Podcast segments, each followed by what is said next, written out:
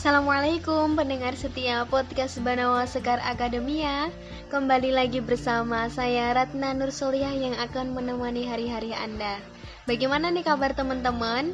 Baik, sehat? Semoga sehat selalu ya Nah, teman-teman pada kesempatan kali ini saya akan bercerita tentang buku yang berjudul Para Penjaga Ilmu dari Alexandria sampai Internet Nah, saat ini kita hidup di sebuah masa yang berulang dalam sejarah dunia ketika perubahan besar dalam ekonomi, budaya, dan teknologi membawa kita pada pertanyaan mendasar mengenai produksi, pelestarian, dan penyebaran ilmu pengetahuan. Nah, bagaimana kita menyesuaikan diri dengan lingkungan baru agar kita yakin bahwa kita dapat menghasilkan kembali diri kita sebagai sebuah kebudayaan. Lembaga seperti apa yang dibutuhkan untuk mengorganisasikan dan mentransmisikan seluruh pengetahuan kita? Apakah perpustakaan sudah ketinggalan zaman? Bagaimana seharusnya universitas melakukan perubahan? Apakah kita dapat terus berharap bahwa kemajuan ilmu pengetahuan dapat meningkatkan taraf hidup kita? Apa yang bisa dilakukan oleh media digital dalam memproduksi dan mendistribusikan pengetahuan dalam kata-kata dan gambar. Nah, berikut ini adalah cara para ilmuwan terdahulu menjaga pengetahuan hingga saat ini kita bisa dengan mudah menikmatinya. Yang pertama itu di era perpustakaan pada tahun 310 Masehi sampai 500 Masehi. Perintis pembangunan perpustakaan Alexandria adalah Demetrius dari Paleron. Dia termasuk tokoh yang kurang dikenal, tetapi paling penting dalam tradisi intelektual barat. Demetrius memulai karirnya di Athena, tempat dia belajar di perguruan alam terbuka yang masyhur yang didirikan Aristotle. Lyceum namanya. Menjelang 317 sebelum Masehi, dia telah menjadi penguasa tiran di Athena. Saat itu perpustakaan dibangun atas dasar keyakinan bahwa menulis merupakan cara terbaik mengorganisasikan pengetahuan. Perpustakaan Alexandria menjadi model bagi tiga peradaban Imperium Mediterania kuno, Romawi, Kristen, dan Islam yang kesemuanya dibangun atas fondasi warisan Yunani. Socrates itu meyakini bahwa kepercayaan para sofis yang berlebihan terhadap kata-kata tertulis memperlemah ingatan fisik. Nah, sebagai seorang konservatif, uh, konservatif, Socrates merindukan kembali ikatan yang hidup, mesra, dan verbal di antara para lelaki. Metode Socrates yang berisi tanya jawab merupakan pengungkapan pedagogi lisan yang dibangun atas friksi produktif antara guru dengan murid. Metode ini juga mencerminkan Socrates bahwa ungkapan lisan mengandung kebenaran. Untuk menilai se uh, sebuah kejujuran, mohon maaf, untuk menilai kejujuran sebuah ungkapan, seseorang akan mengecek reputasi si, pem si pembicara. Kata-kata tertulis sebaliknya tidak dapat dipercaya dan merusak karena berjarak dengan tindakan, kehormatan, serta karakter orang yang mengungkapkannya. Nah, pengetahuan kita tentang Socrates itu kan karena penolakannya terhadap tulisan. Nah, sesungguhnya itu berasal dari muridnya, khususnya Plato. Nah, akhirnya Plato membuktikan pengabdiannya pada filsafat dengan cara mengundang para pendekar untuk terlibat dalam akademi yang didirikannya. Sebuah persaudaraan para ilmuwan yang tinggal di sebuah padepokan Athena yang secara bebas mempelajari semua hal yang kemudian dikenal dengan istilah pengetahuan akademis. Kemudian ketika Aristotle murid dan pendebat Plato gagal menggantikannya sebagai pimpinan akademi, para pengikut Aristotle pada gilirannya menciptakan sebuah sekolah mereka sendiri yaitu Lyceum tadi. Ternyata Aristotle mampu menundukkan para pesaingnya dengan cara meletakkan dasar keilmuannya dalam sebuah tulisan. Nah, yang lain itu melihat Aristotle ternyata memiliki wawasan yang luas. Mampu menggabungkan semua rincian ensiklopedi tentang segala hal dari flora ke fauna hingga konstitusi politik, hal yang justru kurang dimiliki oleh Plato. Nah, gaya seperti ini yang sangat cocok dengan pergeseran dari tradisi debat lisan ke tulisan. Sementara debat lisan mencoba menampilkan pendapat secara sepihak sehingga argumen berkisar pada masalah yang itu-itu saja. Tulisan memungkinkan terciptanya pendekatan yang menarik, terbuka, dan menyeluruh.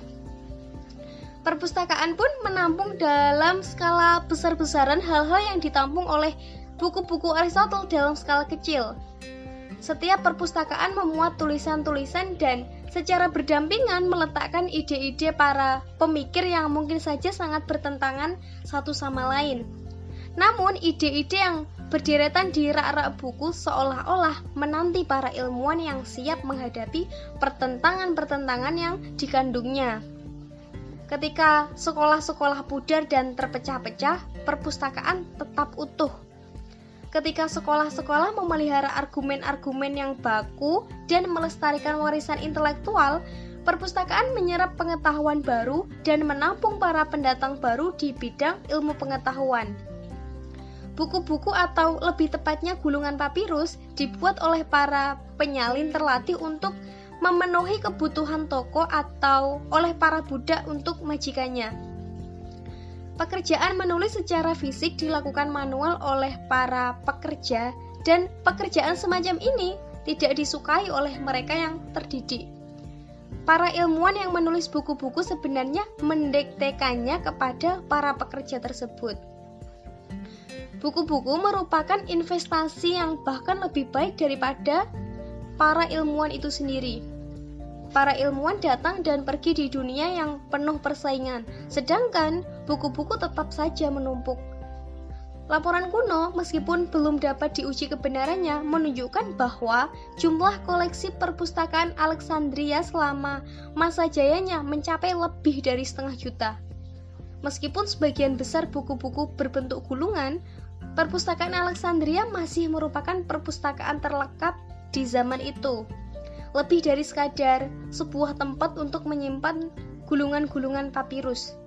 Perpustakaan kini menjadi sebuah tempat untuk mengedit dan menyalin ulang naskah-naskah, mengkombinasikan kembali kandungan isinya serta menambah komentar dan analisis. Sekarang, kompleks keilmuan yang terkenal ini tidak lagi menyiksakan seorang pun yang dapat memeliharanya. Koleksi perpustakaan mengalami penyusutan bukan terbakar karena api dan lenyap akibat sikap abai bukan karena penghancuran yang disengaja. Kemudian di era yang kedua adalah biara pada tahun 100 sampai 1100 Masehi. Nah, pada tahun 529 Masehi, sebuah biara dibangun di Monte Cassino, 80 mil dari selatan Roma yang masih berkembang hingga saat ini. Bertengger di sebuah gunung yang puncaknya tampak menggapai langit. Biara ini dibangun di pusat Imperium Romawi Barat. Nah, namun di Italia pada abad ke-6, peradaban antik kuno benar-benar bangkrut. Tidak ada satupun sekolah atau perpustakaan kuno yang selamat dari kepunahan. Namun, Berbeda dengan biara-biara Kristen yang memang sengaja dibangun jauh dari peradaban kota, tepat sebelum peradaban kuno tersebut bangkrut. Oleh karenanya, biara-biara itu sangat mampu menyesuaikan diri dengan pelestarian keilmuan pada masa terjadinya penghancuran dan dan perusakan. Biara-biara ini tergolong lembaga-lembaga yang paling lama bertahan di dunia barat. Cassiodorus, orang pertama yang menilai biara mampu meneruskan pengetahuan kuno. Dia mengingatkan para rahib bahwa buku-buku harus menggantikan posisi seorang guru. Rusaknya hubungan dengan tradisi lisan budaya Romawi menunjukkan bahwa Anda memiliki guru-guru dari generasi lampau yang mengajarkan Anda tidak lagi dengan lisannya, tapi dengan mata Anda. Dia mengatakan kepada mereka untuk membiarkan halaman kosong di kodeks guna mengantisipasi pemulihan kembali karya-karya yang hilang. dan melestarikan naskah-naskah Yunani meski di dunia Latin tidak ada lagi ahli pidato yang tersisa. Begitu musim Lenten tiba, setiap rahib harus menerima buku dari perpustakaan biara untuk dibaca lembar demi lembar. Biara terkadang juga menjadi tempat pertama dalam tradisi barat di mana pembacaan dia merupakan aturan. Bahkan para pemikir besar kuno bergumam ketika membaca. Dalam biara model Benedictus, dunia tertulis sepenuhnya mendominasi dunia lisan. Aturan Benedictus menyukai diam daripada berbicara, karena membaca merupakan suatu jenis pekerjaan, maka berbicara sama dengan menganggur. Keutamaan membaca pada perkumpulan bersama yaitu ketika satu orang membaca sementara yang lain mendengar dapat mencegah pikiran mereka agar tidak menyimpang dengan cara melatih telinga mereka mendengar kata-kata sementara lisan mereka diam. Tulisan bahkan menjadi lebih dominan seiring dengan berkembangnya praktik biara Benedictus. Kemudian di era yang ketiga adalah universitas pada 1100 sampai 1500 Masehi. Tiga hal yang membuat universitas-universitas berbeda pada abad pertengahan sangat berbeda dengan universitas di masa kini. Pertama, universitas tidak didirikan dengan sengaja, tetapi berkumpul begitu saja di seputar jaringan para guru dan siswa menjadi titik penting di dalam jaringan tersebut. Kedua, semua universitas Eropa merupakan gejala perkotaan.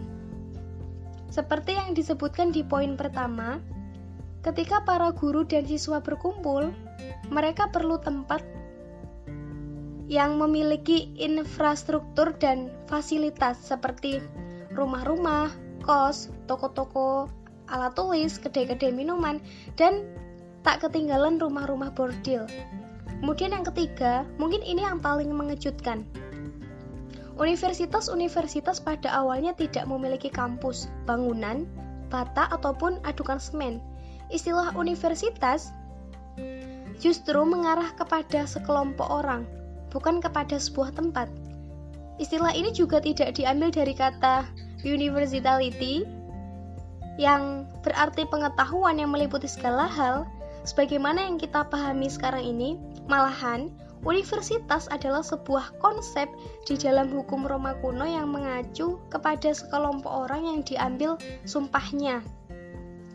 Universitas pada mulanya bertujuan untuk memberikan pelatihan kejuruan yang sejatinya ditujukan untuk para pendeta, ahli hukum, dan dokter hingga masa kini untuk para pebisnis, jurnalis, dan teknisi ilmu pengetahuan yang netral, kebebasan akademik, pendidikan liberal, idealisme, semua pokok pembicaraan kesarjanaan sekarang hanya merupakan hasil sampingan yang tidak disengaja akibat berkumpulnya para ilmuwan.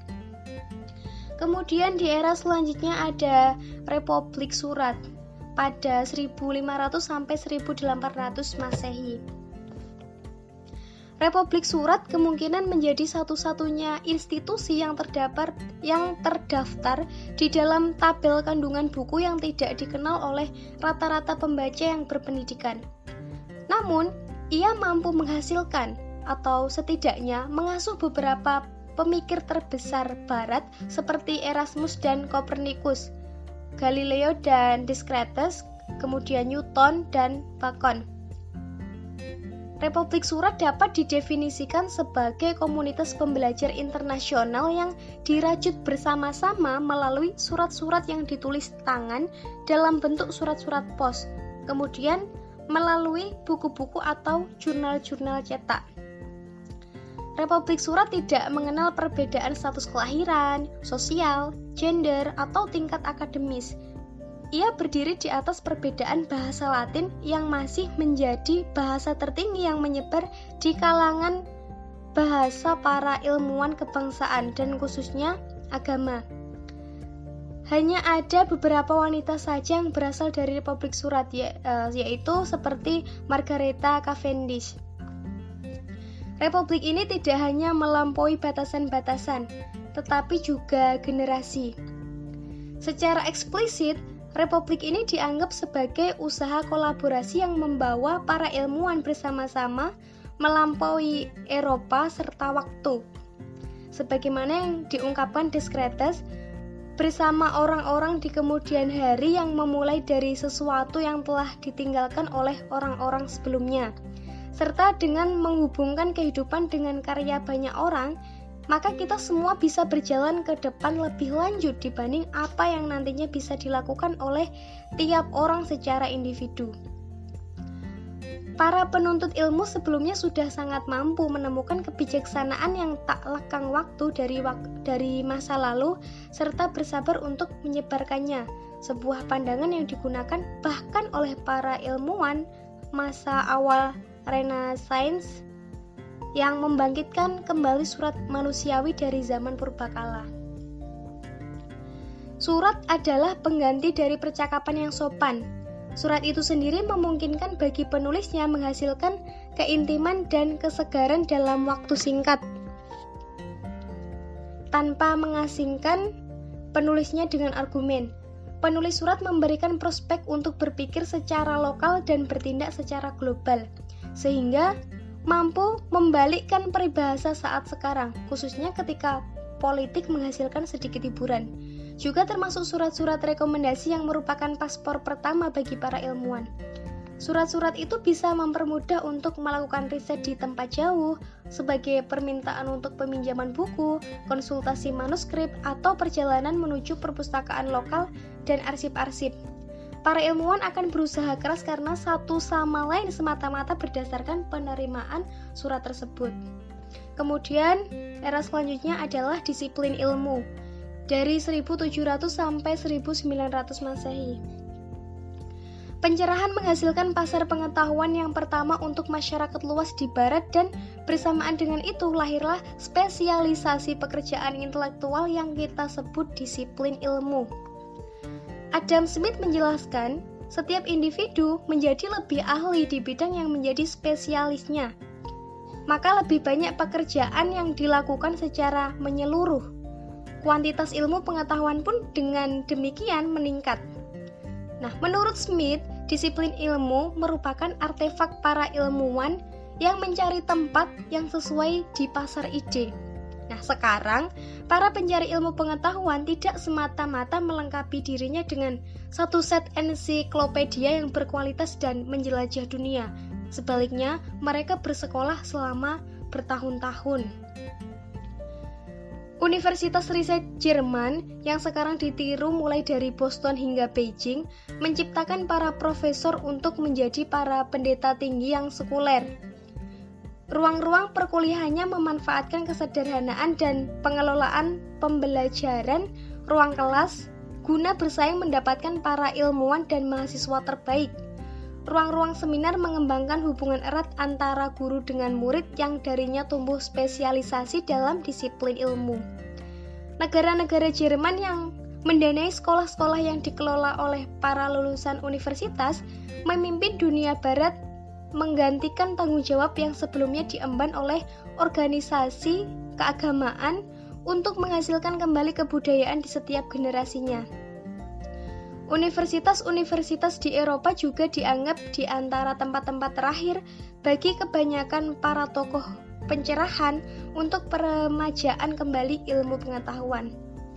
Oxford dan Cambridge sangat terkenal karena memperbaiki perilaku anak-anak muda dan mengarahkan mereka pada tujuan hidup yang lebih serius. Kemudian, di era yang terakhir adalah laboratorium pada 1770 sampai 1970 Masehi. Keterlibatan yang sangat menarik antara cinta dan ilmu pengetahuan telah menghiasi sejarah laboratorium pada tahun yang memabukkan bagi fisika nuklir. Nah, pada tahun 1894, Mary Sklodowska bertemu dengan Pierre uh, bertemu dengan Pierre Curie. Sembilan tahun kemudian, ketika sudah menjadi pasang suami istri, mereka menerima hadiah Nobel dalam bidang fisika. Setelah kematian Piri yang tragis pada tahun 1895, Mary memenangkan hadiah Nobel kedua pada tahun 1911. Mary menghabiskan kehidupannya dengan bolak-balik antara tugas-tugas ilmiah dan rumah tangga. Dinasti-dinasti ilmu pengetahuan serta pernikahan akademis belum pernah terdengar dalam sejarah Eropa. Yang membuat keluarga Curie mendengar bar, menjadi baru adalah bahwasanya para wanita saat itu derajatnya hampir sama di samping suami-suaminya. Kita sering kali berpikir bahwa ilmu pengetahuan yang serius sebagai domain maskulin. Tetapi setelah wanita diakui universitas-universitas pada akhir abad ke-19, mereka mendapatkan kesuksesan akademis pertama yang memukau di berbagai bidang seperti fisika dan kimia. Keluarga Curie bukanlah anomali. Tokoh-tokoh wanita lainnya seperti Lisa Meitner, seorang pionir dalam visi nuklir, kemudian Mileva Merrick, istri Einstein, mendapatkan jalan menuju benteng-benteng akademi pria melalui gerbang-gerbang ilmu pengetahuan laboratorium. Dalam rancangan laboratorium, seorang wanita mungkin merupakan lulusan dari seorang pembantu, pembersih tabung, hingga menjadi peneliti utama menjadi uh, hingga menjadi peneliti utama melalui kombinasi antar ambisi dan talenta, pekerjaan dan dedikasi. Kita telah melihat bahwa kapan pun sebuah lembaga pengetahuan berdiri, dia dapat menyerap lembaga sebelumnya dan memberikannya tujuan yang baru, atau mengadopsi misi yang sama sekali baru dan meninggalkan yang lama. Sepasang lembaga yang paling awal menggunakan pola yang pertama, perpustakaan berkembang luas sebagai agen imperium kuno, mencangkokkan budaya Yunani di seluruh dunia Mediterania, Biara-biara kelak terbentuk di tengah runtuhnya Imperium Romawi di barat. Sebaliknya, ketika universitas berdiri pada abad ke-12, ia meninggalkan biara tetap utuh, tetapi tidak lagi rele relevan.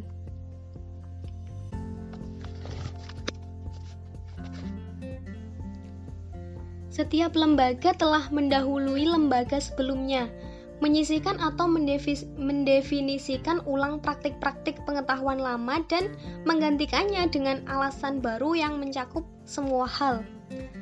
Para humanis di Republik Surat menjauhi universitas yang dibuat bangkrut secara intelektual oleh konflik agama dan menggunakan korespondensi jarak jauh untuk mengesahkan penemuan-penemuan baru.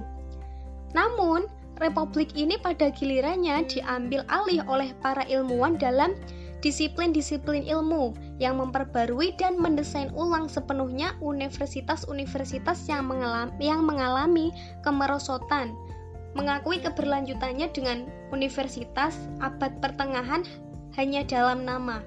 Nah, kini laboratorium dan universitas riset masih berdiri sebagai institusi pengetahuan yang sebagiannya tumpang tindih dan berjejaring. Meskipun laboratorium kian menjadi institusi yang dominan, disiplin-disiplin ilmu dalam posisi yang aman yang tidak akan pudar seperti halnya biara. Mohon maaf, disiplin-disiplin ilmu dalam posisi yang aman yang tidak akan pudar seperti halnya biara. Tugas generasi yang akan datang adalah untuk menjamin bahwa nilai-nilai laboratorium tentang percobaan yang tak kenal henti, kesetaraan demokratis, dan maslahat masyarakat hanya dapat dilembagakan dalam kesadaran yang paling luas, paling memberdayakan, dan paling manusiawi terhadap nilai-nilai tersebut. Nah, sekarang bisa dilihat dan dirasakan bahwa pengetahuan dapat dengan mudah kita akses melalui internet. Dengan adanya kemudahan itu, kita bisa menyerap lebih banyak pengetahuan, mengembangkannya menjadi pengetahuan baru, lalu menuliskannya kembali agar tetap terjaga. Jika sekarang kita masih menyempatkan untuk membaca buku, artikel, dan sejenisnya, atau mengikuti seminar, kajian, ataupun bergabung dengan forum-forum kecil yang membahas tentang pengetahuan, kita semua termasuk penjaga ilmu. Jika kamu juga ingin termasuk dalam golongan penjaga ilmu, mulailah dari hal kecil, yaitu membaca. Sekian, semoga bermanfaat, teman-teman. Wassalamualaikum warahmatullahi wabarakatuh.